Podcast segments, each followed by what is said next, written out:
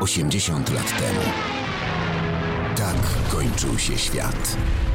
7 września 1939. W nocy Warszawę opuszczają premier i naczelny wódz wraz ze sztabem oraz prezydent RP Ignacy Mościcki.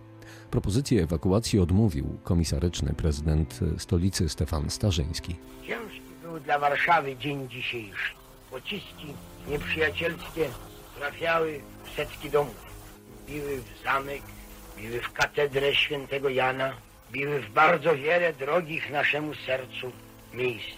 Te barbarzyńskie metody bicia specjalnie w kościoły lub pamiątki narodowe, jak zamek czy belweder, te barbarzyńskie metody, które nic wspólnego z wojną nie mają, które nie są wojną, które są metodami bandyckimi, muszą obudzić gniew.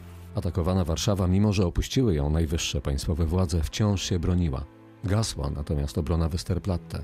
Od kilku już dni obroną Półwyspu dowodził zastępca majora Henryka Sucharskiego, kapitan Franciszek Dąbrowski. Świt 7 września rozpoczął się od potężnej kanonady z dział niemieckiej artylerii.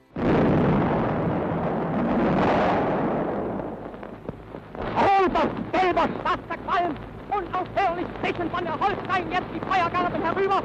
Die Polen wehren sich.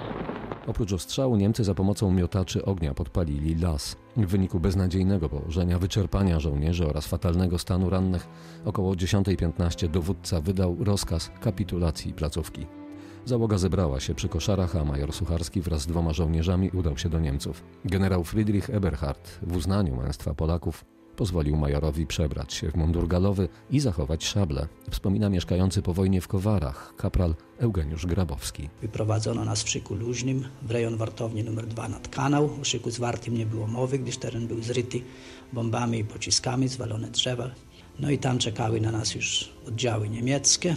Ustawiono nas w dwuszeregu. Zastępca majora kapitan Dąbrowski zdał raport, a generał Eberhard, dowódca strony przeciwnej, miał krótkie do nas przemówienie, którego treść w zasadzie była skierowana do żołnierzy niemieckich. Tłumaczył, że to nie była walka, to była rzeź. I żołnierze Westerplatte dali przykład żołnierzom całego świata, jak żołnierz powinien bronić swojej ojczyzny. Straty Polaków podczas obrony Westerplatte to 15 zabitych i około 50 rannych. Straty niemieckie to około 400 zabitych i rannych.